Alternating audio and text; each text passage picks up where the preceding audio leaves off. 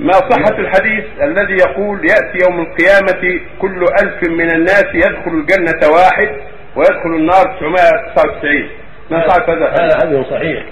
الرسول صلى الله عليه وسلم أمر يامر آدم يوم القيامة يأمر الله آدم يوم القيامة فيخرج بعث النار.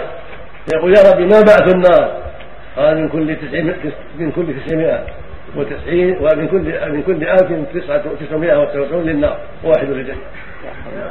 لكن قال في حديث إن منكم أمتين ما كانتا في أحد إلا كثرتا يأجوج ومأجوج هذه هؤلاء كفر كلهم والسالم واحد من هذا يدل على كثرة الكفرة في قديم الزمان وحديث.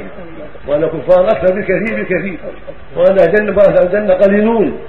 ومع ذلك يأتي على أبواب الجنة يوم وعليها زحام وعليها ضغط من كثرة الداخل الجنة. فالنار أمرها أعظم وأكثر. نسأل الله لأن أكثر الخلق يتبع هواه ويعصي مولاه ولا يطيع الرسل ولا ينقاد لما جاءوا به هذه حال الأكثرين كما قال سبحانه وما أكثر الناس ولو حرصت بمؤمنين ويقول سبحانه قليل من عبادي الشكور ويقول عز وجل إلا الذين آمنوا وعملوا الصالحات وقليل ما. ويقول في قصة الأنبياء إن في ذلك لآية. بعد كل قصة. إن في ذلك لآية وما كان أكثرهم مؤمنين.